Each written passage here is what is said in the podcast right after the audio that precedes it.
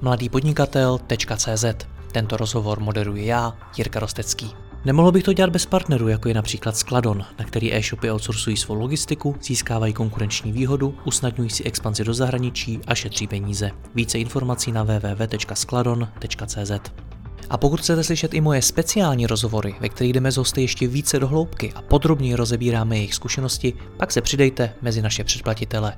Více na www.mladýpodnikatel.cz lomeno předplatné. Užijte si poslech.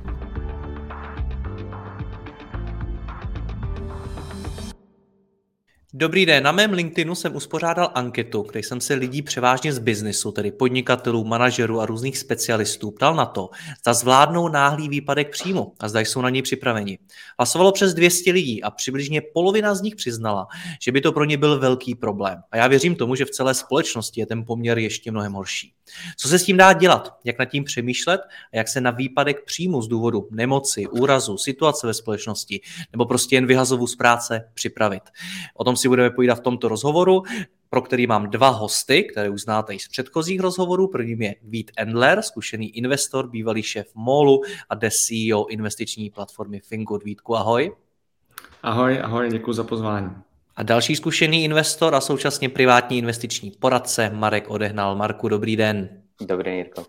Pánové, začněme tento rozhovor trochu historií. Já když se nad tím zamyslím, tak eh, po celou historii lidstva, když jste přišli o práci a živobytí, tak to byl prostě průser. Někdy dokonce i skutečně život ohrožující průser. Eh, nepovedla se vám sklizeň, průser. Někdo nebo něco vám vyvraždilo dobytek, průser. Ani až mi přijde, že v novodobí historii, až v posledních letech, začínáme mluvit o nějaký diverzifikaci a o tom, jak nad tím celým přemýšlet jinak. Ale i přesto všechno, není tedy normální žít s tím, že když přijdu o práci, tak to bude prostě velký problém. Není to normální, Vítku? No, ty jsi to zmínil dobře. Ono vlastně eh, v těch předchozích staletích, tisíciletích, to byl boj o život. Jo, kde v podstatě opravdu znamenalo to, že když jako neulovím mamuta, tak prostě umřu. Jo, když eh, nebude ta sklizeň dobrá, no tak ta vesnice nebo eh, ta, ta komunita prostě má problém a, a tak se to dělo, že ty lidi umírali. My žijeme naštěstí jako dneska v době, kdy se tohle to neděje, nebo v části světa, kdy se tohle to neděje. Takže to je jakoby první věc a vlastně máme zejména v Evropě tak silný sociální systém, že to, že by jako někdo umřel, protože přijde o práci, se velmi pravděpodobně nestane. No, tak to jako bych chtěl uklidnit vlastně lidi, asi co nás poslouchají, že tohle to se nestane. Ale co se stane určitě, je to, že v momentě, kdy přijdu o tu práci, tak eh, minimálně dojde k tomu, že se mi jako sníží výrazně moje uh, životní úroveň, pokud nemám dostatečnou rezervu, anebo pokud nemám jiný typ příjmu.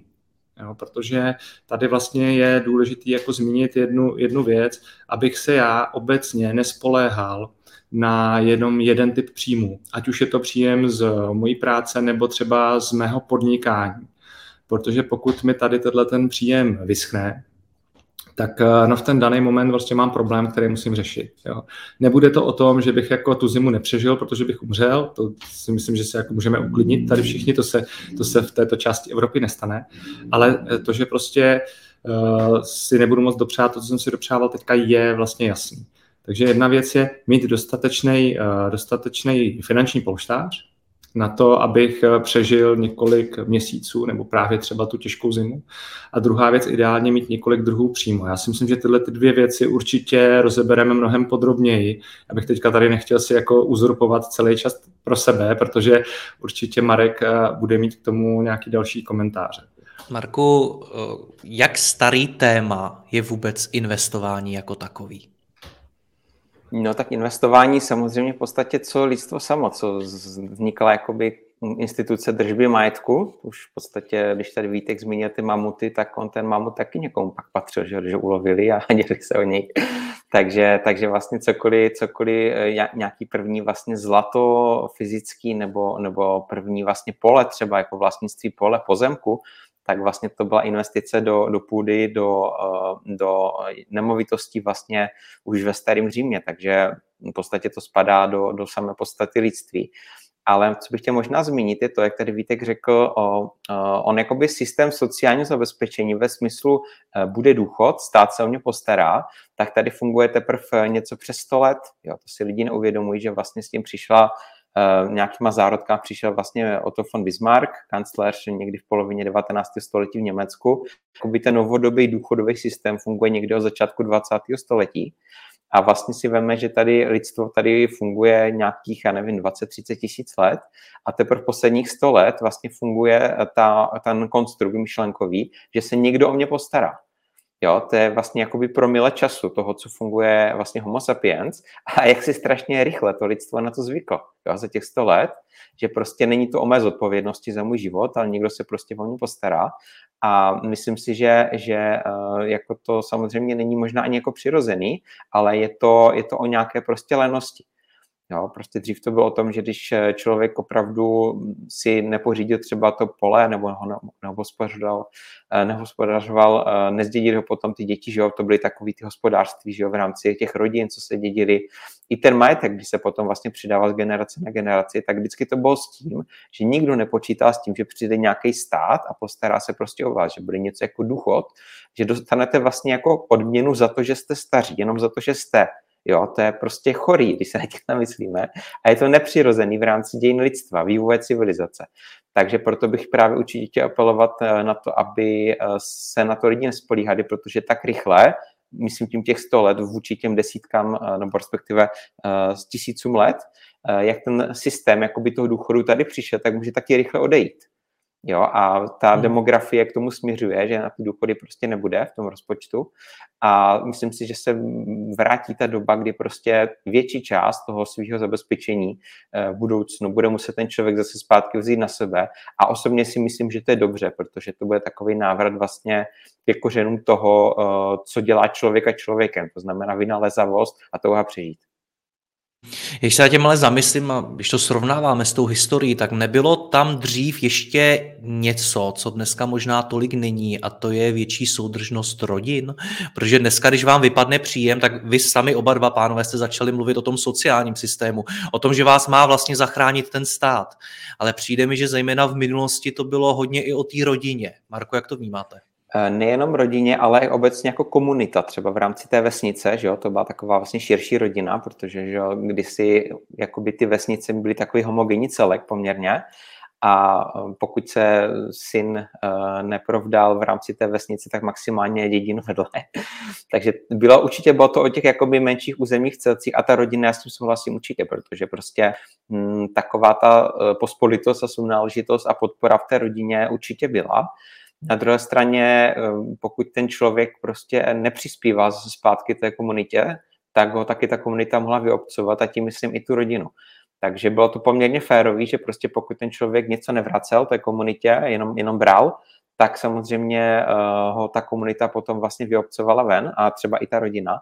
A souhlasím s tím, že dneska vlastně pokud ty rodiny jsou poměrně Eh, jako početně nízký, malý, prostě máme jedno, dvě děti průměrně. Jak jsem tady zmínil, ta, ta rodina, tak třeba moje babička byla z osmi sourozenců, co vyrostla vlastně na vesnici.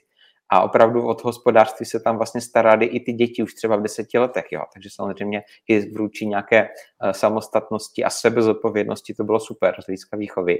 A dneska pokud vlastně spoustu lidí žije single, ty rodiny nemá, tak samozřejmě o to větší uh, vlastně zátěž klade na ty své bedra, aby se o sebe postaral, protože tam není ten faktor té rodiny.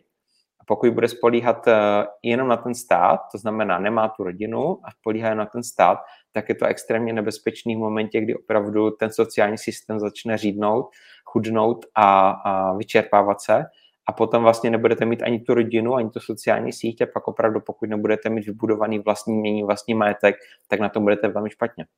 Hmm. Vítku, co znamená rodina pro tebe v souvislosti s, nějakou, s nějakými finančními problémy člověka? Já, já tady souhlasím s tím, co říkal Marek, jo, že ty komunity, ty rodiny byly výrazně větší a vlastně ty lidi si pomáhali. Mimochodem, tohle to třeba funguje eh, v nějakých jako indiánských komunitách dál, jo. V Amazonii nebo, nebo v Jižní Americe.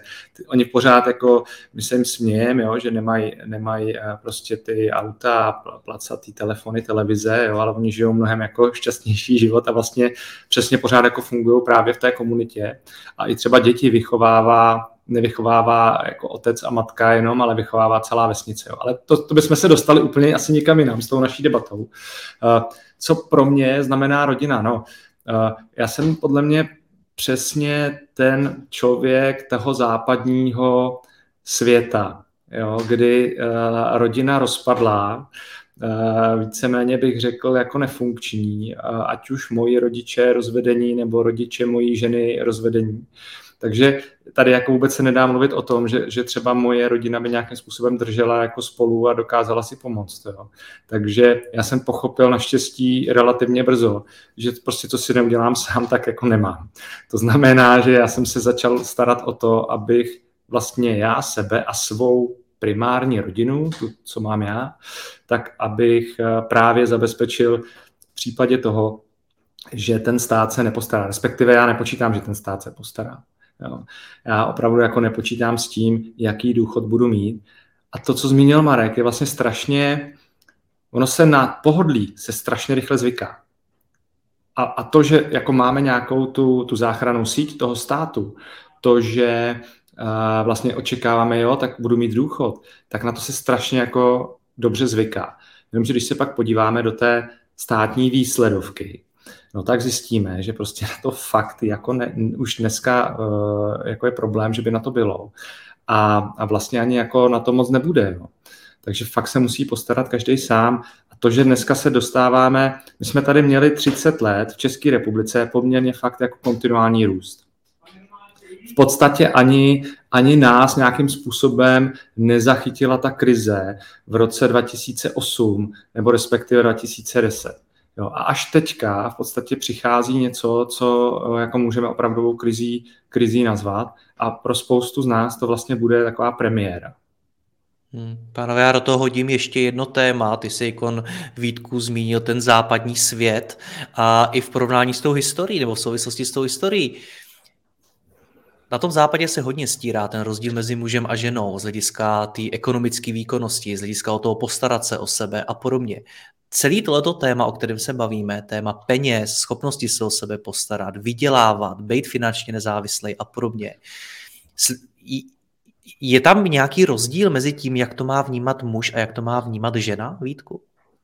Hmm, já, si, já si to nemyslím. No, já, já si myslím, že to je třeba zase výhoda jako té, té společnosti, že uh, prostě se přistupuje k obou pohlavím stejně, přičemž neříkám, že by se muž jako neměl chovat k ženě galantně. Jo? To, to si jako tak jsem to nemyslel, myslel jsem čistě, ale, čistě ekonomicky. Ale ekonomicky si myslím, že tam jsou dneska úplně stejné příležitosti, úplně stejné možnosti a jak eh, ženy nebo muži by vlastně k tomu měli přistupovat úplně stejně. Jo? A i, ale když se vrátím jenom zpátky k té rodině, čímž nemyslím, že by každý měl kopat za sebe. Jo? Já si myslím, že uh, pokud uh, jde o to, jak přistupovat k těm rodinným financím, tak by to vždycky mělo být tak, že ti dva v té rodině, ty partneři, by vlastně měli o tom přemýšlet dohromady. A měli by vlastně dohromady se o tom bavit a dohromady přistupovat k těm rozhodnutím, které udělají, což se mnohdy neděje. Jo, ať už je to jeden nebo druhý, většinou jsou to možná spíš muži, kteří jako ty investice uh, řeší a kam se ty peníze dá, dají a žena spíš jako se stará o ten rozpočet což je vlastně nesmysl. To je jako kdyby jsme ve firmě měli člověka, který jeden se stará jako o rozpočet a jeden o peníze. Vždycky tam je jeden jako, eh, řekněme, finanční manažer, který to má všecko přeci na starosti. Ano, může tam mít lidi, někdo se stará o treasury, někdo se stará eh, jako o fakturace a tak dále, ale vždycky by se to mělo jako zbíhat v jedný, eh, prostě u jedné osoby, nebo by všichni o tom měli vědět. A v té rodině to paradoxně většinou funguje úplně odděleně a ty lidi se o tom nebaví. Takže Příležitosti jsou si myslím stejný, jak pro ženy, tak pro muže. Měli bych k tomu přistupovat stejně, ale důležité, aby kooperovali a bavili se o tom spolu. Vítku, kolik máte klientek? A teď Je. Pa, pardon, teď jsem se chtěl zeptat Marka. Jo, jo. Vy jste ještě oba dva dneska v černým, není to jednoduchý, Okay. pánové. Marku, jo, vypadáme, podob, vypadáme podobně hodně. Ne? Já jsem tušil, že to, že to je na mě dotaz, tak už jsem se nadechoval. Uh, určitě je to, je to menšina, je to, já nevím, tak 10-20%, takže třeba jestli, jestli mm, portfolio moje nějakých, nevím, 60 klientů, tak možná 5-6 jsou investorky. Mm, podle mě je to prostě daný tím, že odmala, odmala ty ženy nejsou vedeny k tomu, aby měly nějakou sebedůvěru, aby se sebe realizovali. Jsou to prostě ty vzorce o to, že ta žena je v té rodině, stará se o ty děti a podobně. A prostě určitým způsobem to mm, nějakým způsobem formuje tu sebedůvěru a proto třeba i tak jako málo žen se pustí do podnikání. Jo, že pokud prostě jsou, jsou biznisy, tak doufám, že to nevyzní teďka nějak jako šovinisticky, ale prostě většina těch žen je v administrativních rolích, recepční asistentek a podobně, ale málo, málo je z nich na těch řídících pozicích, nebo jsou to třeba obchodnice. Jo? Když to ty příležitosti, tak jak říkal Vítek správně, tak jsou vlastně rovný a každá žena může jít na ten živnostňák, zřídit si živnost, založit si SROčko a začít podnikat. Pokud už podnikají, tak to jsou prostě zase spíš jakoby obory typu tady eh, třeba kosmetiky a podobně v rámci, v rámci různých multilevelů.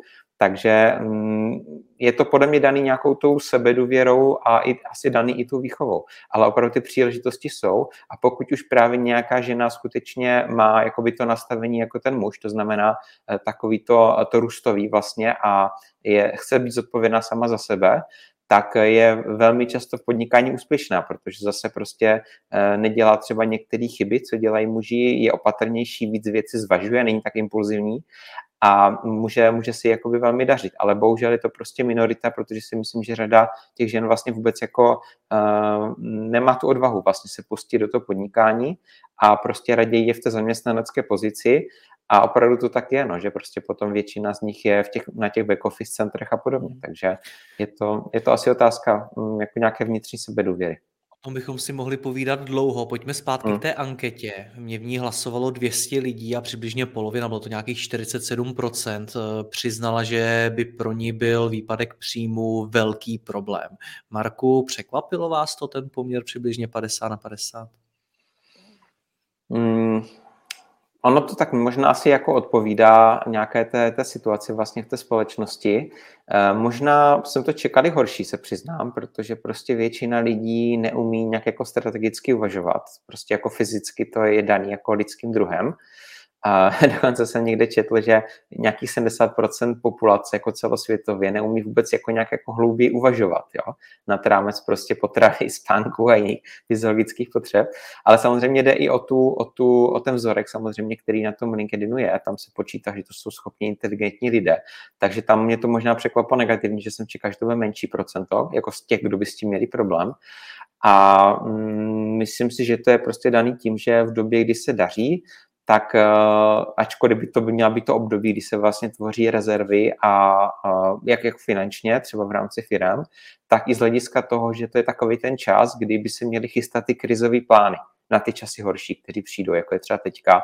A samozřejmě doby, když všechno roste, tak člověk má takovou tu jakoby expanzivní, eh, to expanzivní nastavení mysli, to znamená, že otevírá nové pobočky a rozšiřuje biznis a vlastně je jeden na té pozitivní vlně, ale právě naopak to by měla být doba, kdyby vlastně měl začít řešit ty situace, které přijdou a chystat se právě třeba na ty, na ty horší roky a myslím si, že tohle hodně prostě podnikatel podceňuje. Jo, že, že hmm. prostě si jakoby nechce, nebo tak ne, nechce, ale přijde jim škoda v době, kdy jsou jakoby rozjetí, tak eh, se jakoby zastavit na chvilku a třeba obětovat nějakou růstovou příležitost nějakého nového trhu, jenom tím, že se věnují jakoby nastavení procesu pro nějaký krizové doby a řeknu si však to je jedno, teďka se nám daří, jo, my to urveme tou silou, tou velikostí, tou škálou, ale řada firm to samozřejmě teďka vidí, že to tak jako není. A, a myslím, že tohle je potřeba se prostě mě zastavit v těch dobrých časech a vytvořit si prostě ty pojistné mechanismy na to, aby, aby bylo vlastně jak fungovat a z čeho v dobách, které prostě přichází toho typu, jako je dnes. Hmm. Vítku, Tebe to překvapilo? Tam hlasovali, že nejsou připraveni i zakladatelé velmi úspěšných firm, i zkušení manažeři a tak dále. Překvapilo tě to, že přibližně polovina z nich není připravená? No, právě na tom vzorku mě to překvapilo. A vlastně bych jako očekával, že to procento lidí, kteří nebudou připraveni na to, že by jako došlo k nějakému výpadku příjmu, bude výrazně menší. Jo, v, té, v tom vzorku, který právě ty jsi tam měl, jak jsi zmínil, že jsou to lidé, kteří jsou buď to na, řekněme, mě by to nepřekvapilo u eh, lidí, kteří jsou na, řekněme, vysokých manažerských postech eh, v korporátních strukturách. Tam by mě to nepřekvapilo, ale překvapuje mě to mezi podnikatelema, mezi vlastně lidma, kteří jsou na volné noze, tam mě to jako překvapuje, protože tam bych očekával, že tito lidé budou o těch financích přemýšlet mnohem v širším jako uh, měřítku, než právě třeba jenom ty manažeři. Takže to číslo mě fakt jako překvapilo a vlastně je to dost jako negativní, protože uh, jako to, že k té krizi, uh, že na, jsme na Prahu té krize, nebo už víceméně eh, jako v ní, to je pravda. A že teda jako to může až takhle tu společnost uh, zasáhnout, tak to, to je pro mě fakt jako šok trošku. Čím to podle tebe je? Protože my jsme třeba zmínili lenost, tak uh, jestli něco tak o těchto lidech, že jsou líní, tak bych o nich rozhodně neřekl. To ne, ale, ale uh, třeba právě z mého pohledu u těch podnikatelů já jsem si myslel, nebo každý žijeme v nějaké své sociální bublině, tak já jsem měl jako představu, že ti podnikatelé v posledních letech se hodně vzdělávají právě v té finanční gramotnosti. Na druhou stranu je pravda, že eh, spousta podnikatelů, který já vidím, tak řídí pořád tu firmu s ústatkem na účtu a, a nemají to plánování. Jo. A, a já si myslím, že jedna věc je plánovat si ve firmě a pak někteří možná to v té firmě jako dělají, ale pak si neplánují svý osobní finance. A to si myslím, že jako další krok, který by všichni měli udělat. Jako my jsme se tady xkrát bavili o rozpočtu, o vlastní Máme o tom samostatný jako video, o tom, jak si ten rozpočet vytvořit. Máme, máme o tom video a tedy. Ale vlastně eh, jako spousta lidí to pořád jako nedělá. Jo? A já si myslím, že tohle je přesně ono, že eh, když řekneš nebo položíš otázku, hele, dojde ti k výpadku jako příjmu, tak ty lidi možná ani neví, jak dlouho vydrží bez toho příjmu. Možná se to ani neuvědomí. Prostě proto, že jako neznají ty svoje čísla, neznají ten přítok, přítok většinou většina lidí zná, to znamená, kolik vydělám. Ale ten odtok jo, nezná a nedokáží ho správně identifikovat.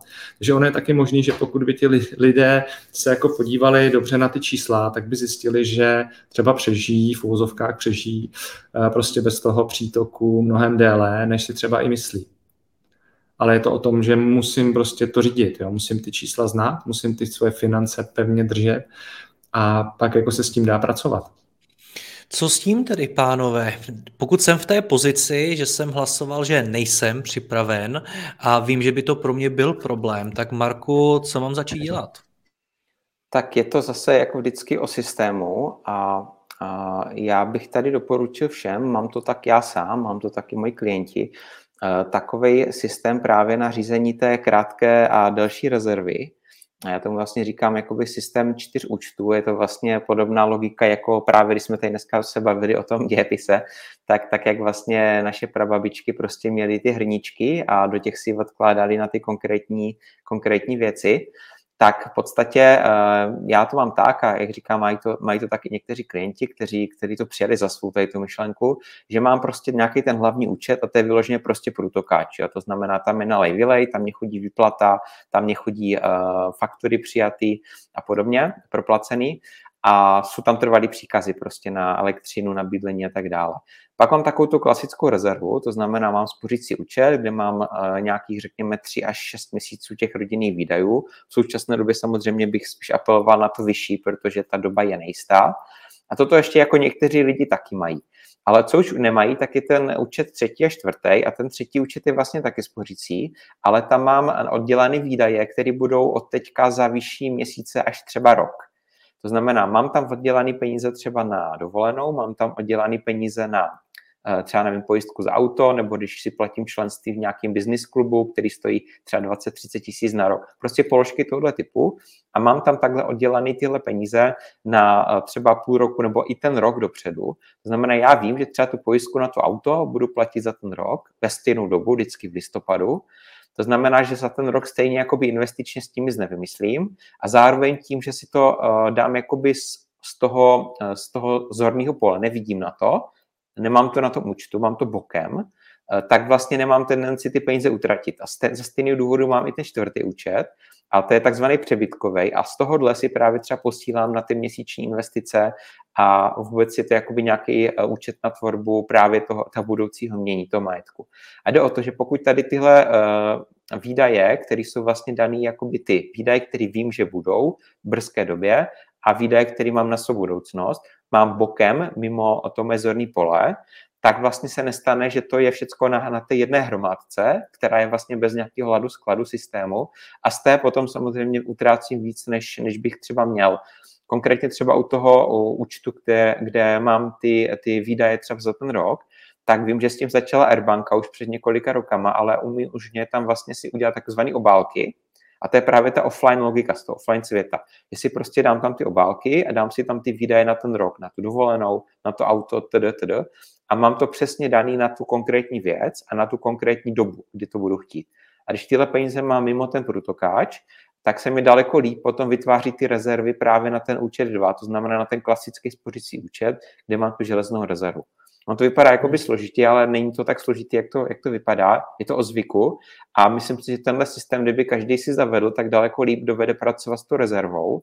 Zároveň nemá zase všecko třeba na těch krátkodobých spořících účtech, protože může to mít třeba za ten rok třeba i na nějaký termíňáku, kde je úrok větší, ale je to prostě zase o tom plánování. Takže prostě o tom si fakt jako zamyslet, sednout si, vytáhnout si prostě nějakou tu tabulku, rozpočítat si to No a hlavně dodržovat, protože samozřejmě žádný systém, který eh, člověk nedodržuje, tak může být sebe lepší, sebe líp vymyslený, ale prostě pokud ho nepraktikuje, tak je mu samozřejmě k ničemu. Takže prostě zamyslet se nad tím a vytvořit si opravdu systém na řízení svého osobního cashflow, vlastně velmi podobně, jako je to třeba v těch firmách, kde s tím ti manažeři pracují a jak správně Vítek řekl, tak eh, je bohužel velká, velmi často je vlastně rozdíl mezi tím, že ti lidi umí pracovat s financemi v práci, a neumí pracovat s, s financemi v tom svým osobním životě.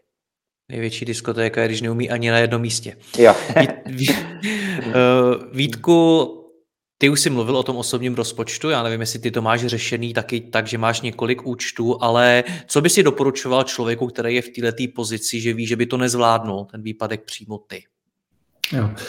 Uh, já mám několik účtů, mám to trošku jinak, než, než to má Marek. Ale v zásadě je to velmi podobný, držím prostě nějakou hotovost, která mi pokryje, dneska je to 6 plus jako měsíců, myslím, že třeba i 10, jako, ale eh, já to mám ještě jinak trošku v tom, že v podstatě už dneska eh, mám nějaký semipasivní příjem. To znamená, eh, vím, že mi chodí příjmy z nájmu, který, který vlastně jako vím, že, vím, že budou, i kdybych třeba, já nevím, Eh, si zlomil nohu nebo, nebo prostě musel si ulehnout jako na lůžko, jako na to pořád jako bude chodit. Jo. Takže to jsou jako nějaké automatizace těch příjmů a, a toho, že v podstatě aktivami pracují za mě a já nemusím uh, úplně jako aktivně se v tom, v tom, jako, uh, v tom jako hrabat. No. A uh, co, si, co, co uh, jako k té tvé otázce, co bych doporučil těm lidem, uh, já bych určitě doporučil začít opravdu se podívat na to, kam mi ty peníze odtékají. Já si myslím, že tohle je jako strašně jako zásadní pro lidi, kteří se, protože čeho se bojíme? Většinou se bojíme toho, co jako neznáme, jo? nevíme, jako co přijde, tak to je to, čeho se obáváme. Pokud já na to budu připravený, no tak s tím dokážu mnohem líp pracovat. Takže to, co já bych doporučil, je podívat se na to, za co já opravdu utrácím peníze. A velmi často se stane, že ti lidé mohou být jako překvapení, že platí nějaké věci, o kterých už ani neví, že jim z toho účtu odchází. To, že dneska vlastně máme v podstatě digitální peníze, které nám jako eh, odchází z účtu a máme eh, vlastně platební příkazy a tak dále, no tak já zjistím, že tady mám nějaký subscription na něco, co už dávno nepoužívám. Jo. Nebo si řeknu, tak já si platím Disney+, Plus, platím si HBO, platím si Netflix, jo, tak možná by mi stačila jedna takováhle streamovací platforma. Jo, takže to jsou potom jako věci, abych já si opravdu zrevidoval uh, ty své odtoky a, a pak zjistím, že uh, najednou potřebuji mnohem méně těch peněz, než, než by bylo nutné. A to znamená, že pokud přesto mám nějakou jako rezervu, já předpokládám, že z těch lidí, kteří ti odpovídali, to není tak, že by nikdo fakt neměl žádnou finanční rezervu. Jo, myslím si, že třeba jeden, dva, tři měsíce tam ty lidi prostě tu finanční rezervu mít budou. No tak pak najednou se mi ta runway prodlužuje. Jo, pak najednou to není o těch, o těch třeba třech měsících, ale může to být o šesti, pokud já prostě snížím výdej, aniž by mě to třeba výrazně bolelo. To je důležité říct, že to není o tom, že já přestanu jíst, začnu se chovat jako student na koleji, že si budu kupovat čínské polívky a tři rohlíky, ale uh, může to být jenom o tom, že já si fakt jako zreviduju ty platby, které z toho mého účtu jako odchází a začnu s tím aktivně pracovat. Tohle to si myslím, že by mělo být jako doporučení, aby se na to každý podíval. I třeba důležité věci jako typu pojistek jo, nebo nějakých pravidelných pladeb, uh, nebudu tady asi zmiňovat jako elektřinu, energii a tak dále. Jo. To jsme teďka v nějaké úplně jako bláznivé situaci. Jo. Ale třeba právě to, že se podívám, jaké platím pojistky a na co, může najednou zjistit, že platím pojistku na něco, co už třeba dávno nemám a jenom jsem to prostě zapomněl vypovědět jo, a tak dále. Že je tam spousta, jako si myslím, věcí, které my necháváme ležet a, a tady se bavíme třeba až o tisíci korunách prostě měsíčně, který já můžu na tomhle ušetřit. No a uh, Marek tady zmínil to, že si jako odkládá peníze třeba na dovolenou nebo na nějaké jako výdaje, které ho budou čekat v budoucnu a ví, že přijdou. Já toto nedělám, já to dělám jiným způsobem. Já vlastně na ten svůj rozpočet mám eh, navázané cash flow, eh, to znamená, že eh, já v podstatě si predikuju dopředu, jaké výdaje budu mít kam v podstatě zahrnuju i takovýhle výdaje, o kterých jako vím. A tím pádem já vím, kam mi vlastně ten můj cash jako klesne v tom daném měsíci. To znamená, já mám nějaký svůj, řekněme, jednoduchý cashflow plán a, a tím pádem já vidím, jako, hele, tady budu platit pojistky na auta, takže tady jako musí být připraveno prostě tolik a tolik peněz a vidím vlastně, jak se mi pohybuje ten můj vlastně ty, ty zůstatky jako na, tom, na těch účtech. Jo. Takže uh, já bych třeba osobně řekl, ano, udělejte si svůj jako flow plán, abyste viděli, jak bude vypadat váš všech následujících 12 měsíců. No a tam ten Excel je samozřejmě v tomhle tom jako úplně jako asi z ním umí každý. No a když si tam zadám jako podmíněné formátování, tak uvidím, jako když jsem červený, jak když jsem zelený. takže, takže podle toho se to dá celkem dobře, dobře i vizuálně potom jako navnímat.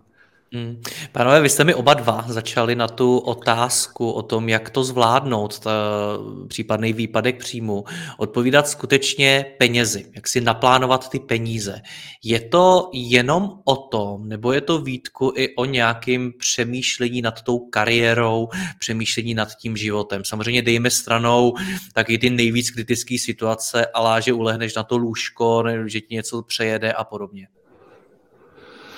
Hmm, uh, tak samozřejmě je to i o tom přemýšlení, jo? protože pokud uh, já přijdu, mám jediný příjem a přijdu o něj a dostávám se do takovéhle složitý situace, no tak bych měl přemýšlet, jestli bych to neměl změnit úplně na tom počátku. Jo? To znamená nemít ten penězovod jenom jeden, ale mít těch penězovodů víc.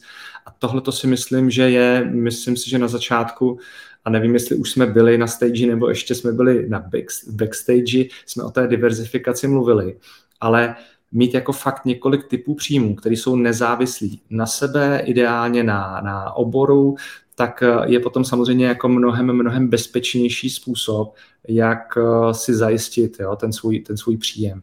A tohle si myslím, že pokud jako speciálně u těch podnikatelů bych tohle viděl jako možnost, kterou oni mají.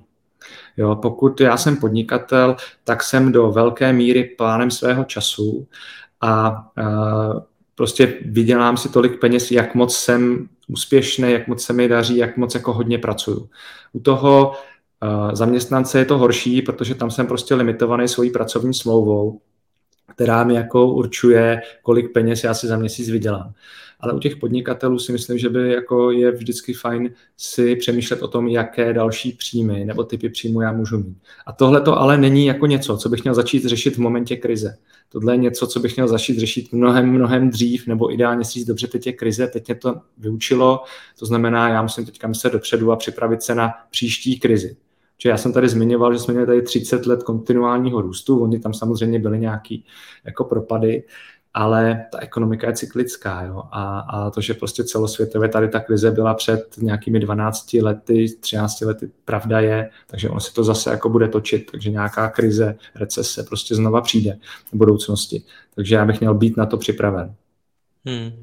Marku, co byste vy doporučil posluchačům, kteří třeba nejsou připraveni na třeba vyhazov z práce, na to, že přijdou z, z mnoha různých důvodů, se to může stát o svoji práci? Uh-huh. No tak eh, ten systém, jak jsem o tom mluvil, tak eh, samozřejmě taky má nějaký náběh s těma účtama, takže mm, jak říká Vítek, jako teď je trošku pozdě bycha honit, jak se říká, ale minimálně si z toho vzít nějaký, nějaký, to, nějaký to ponaučení. A určitě v té první fázi, než prostě to začnu nějak systémově řešit, tak je potřeba prostě osekávat ty výdaje, než se to prostě stabilizuje, to cash flow. A tak, jak správně Vítek říkal, spoustu věcí, co z toho účtu odchází a nevíme pořádně za co. A ta výhoda těch digitálních peněz je to, že my se prostě můžeme podívat na ten výpis k té kartě, jo, za to jsme platili. Pokud jsme platili v keši, tak vůbec nemáte představu jako zpětně za ten měsíc, co jste utratili. Takže zase je to jenom o, té, o nějaké prostě mm, jako ochotě si k tomu sednout, podívat se, za co utrácím a třeba konkrétně tady těch, těch jako subscriptionů, tak eh, já to třeba dělám tak, že, že než abych si platil pět streamingových služeb, což by bylo, nevím, 13 měsíčně, tak eh, já si platím jako kontinuálně HBO a, a Disney+, Plus, protože tam vím, že je pořád něco, co chci sledovat. A třeba co týče Netflixu, tak si ho zaplatím třeba jenom dvakrát do roka, počkám si, až tam naběhnou nový série těch pořadů, který mám rozkoukaný, a pak se na ně podívám třeba během třech týdnů a pak ho mám zase půl roku vyplay. Jo, neplatím si ho. To jsou Takže... ale nároční tři týdny, Marku. Ale ono taky mimo jiné mít jako rozkoukaných 8 seriálů asi není úplně, není úplně rozumný. Takže tak je to třeba jako dělám, jo? než to mít jako být lídnej a mít tady šest předplatných, tak prostě mám jenom ty, kde opravdu fakt je, jako využívám a, a, a jednou za čas eh, se podívám na Netflix, tak si to prostě naplánuju. Jo? Podívám se, kdy vychází série, co sleduju, počkám si, až naběhnou třeba dva, tři seriály, klidně čtvrt roku, protože mezi tím si dělám na něco jiného. No a potom si ten Netflix zaplatím jenom na ten měsíc, skouknu to celý a pak mám za třeba půl roku vyplay, nebo dokonce ty se mě rok vyplay, že mi smazali účet, jo, pro tu neaktivitu. Takže prostě jsem sledoval jiné věci, jo? Takže, takže prostě takhle třeba, třeba s ní plánovat, jako je to srandovní, jo? že tady bavíme o pár stovkách, ale jde o tu logiku, jo? že prostě pokud něco nevyužívám dlouhodobě, a odchází mi to z nějaké setrvačnosti z toho účtu, tak je to samozřejmě problém. Pak jsem chtěl říct ještě jednu věc, že ten systém těch účtů, já jsem myslel za mě jako v rámci podnikání, protože tak, jak už jsme se bavili, tak já taky mám, mám ty nemovitosti a mám vlastně pasivní příjem vyřešený. Eh, jak správně Vítek řekl, mít víc těch zdrojů. Já mám třeba osobně čtyřsložkový příjem, jsou to ty nemovitosti, ty pronájmy, pak eh, mám vlastní investiční portfolio z akcí z fondů, ze kterých si prostě odkoupím, když potřebuju. Mám tam nějakou rentu z předchozí podnikání a ten čtvrtý je vlastně to, co mám v rámci, v rámci vlastně eh, klientské práce. Takže jeden příjem je aktivní, tři jsou pasivní. Takže jakoby osoba to mám podobně jako Vítek, že prostě je tam nějaký pravidelný cash flow, s tím plánuju, ale myslel jsem to, že ten systém se dá použít i pro ty firmy, třeba s tím přebytkovým účtem. Pokud já mám u některých klientů vlastně nějakou, řekněme, výkonovou složku odměny success fee, to znamená pouze v eh, době, kdy se daří, kdy portfel vydělávají, tak mám vlastně podíl na zisku, tak ten mám na separátním účtu tyhle peníze a tam mám takový ty rozvojové věci do nějakého marketingu, do budoucna nějaký IT a podobně ale takový ty pravidelný výdaje, ty mám opravdu na těch nějakých standardních. Když vím, že za rok si budu platit eh, v networkingovém klubu eh, členství zase za rok na 30, za 30 tisíc třeba, tak to mám odložený právě na tom účtu, kde mám firemní výdaje na ten rok. Jo. Nechci říct, že, ty, že tahle logika se dá použít jak v osobním životě, tak i v tom, i v tom pracovním. Nicméně jsem poměrně obšírně vzekl z té otázky, takže eh, jak jste se ptá vlastně, co to zaměstnanec, tak v první řadě prostě osekat ty výdaje, takže ten Netflix a podobně, fakt se podívat, protože si myslím, že nejen na tom streamingu, ale spoustu různých, já nevím, dalších věcí, co máš jako, zaplacený, když jsem tu strává z karty, ani už o tom neví. Může to být třeba tři tisíce za měsíc, je to hvízdne. Jo, takže fakt se na to podívat.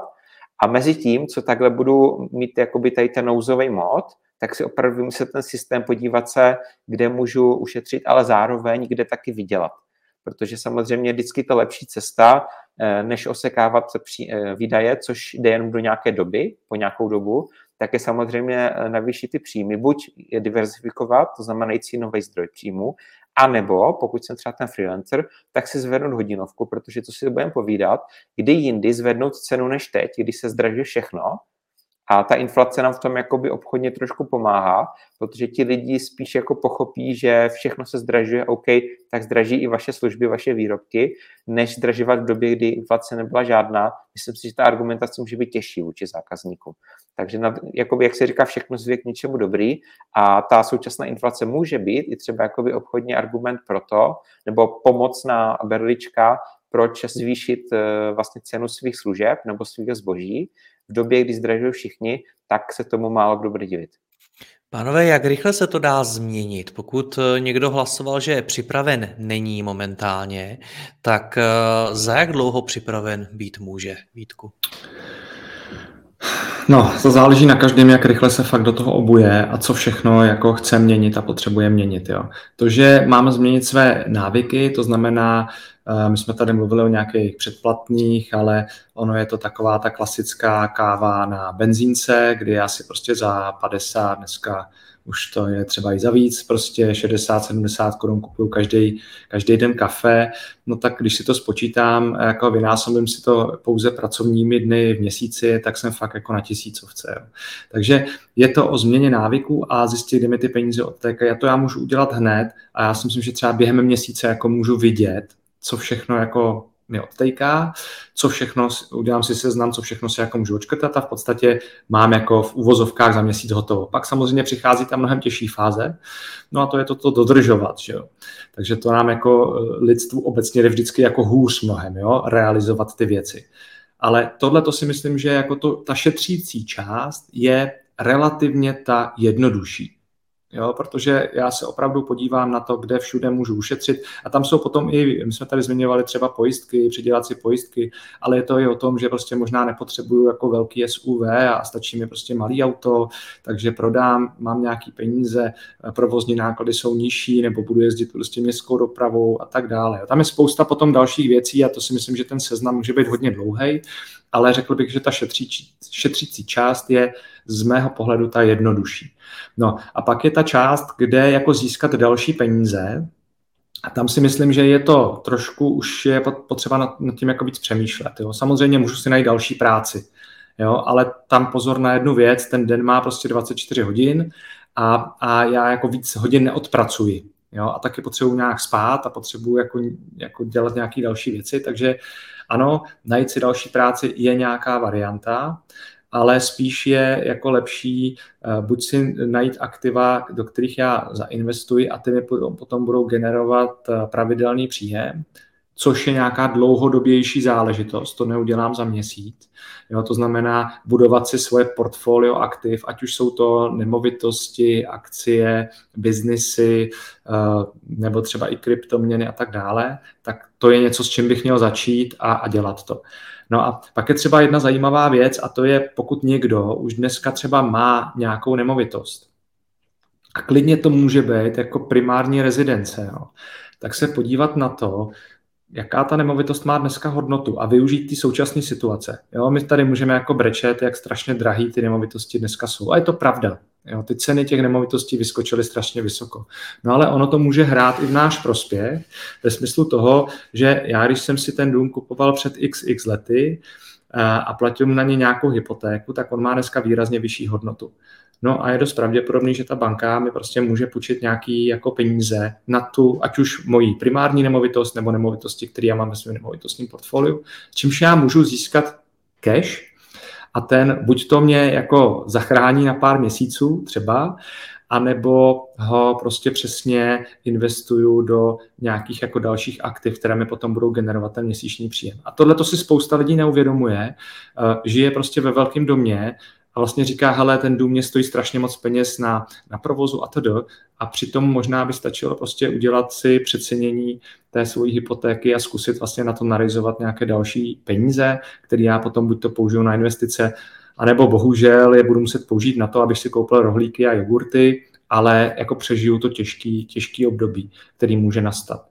Takže tady to je komplikovanější, je to o větším přemýšlení, doporučoval bych opravdu tady spíš se jako pokud já sám už tam tu mysl nemám, tak se s někým poradit, třeba tady zavolat Markovi a uh, poradit se s tím, co jako můžu udělat, uh, protože fakt spousta lidí si neuvědomuje, že jako má aktivum, který vlastně prostě ne, ne, nepoužívá. Jo?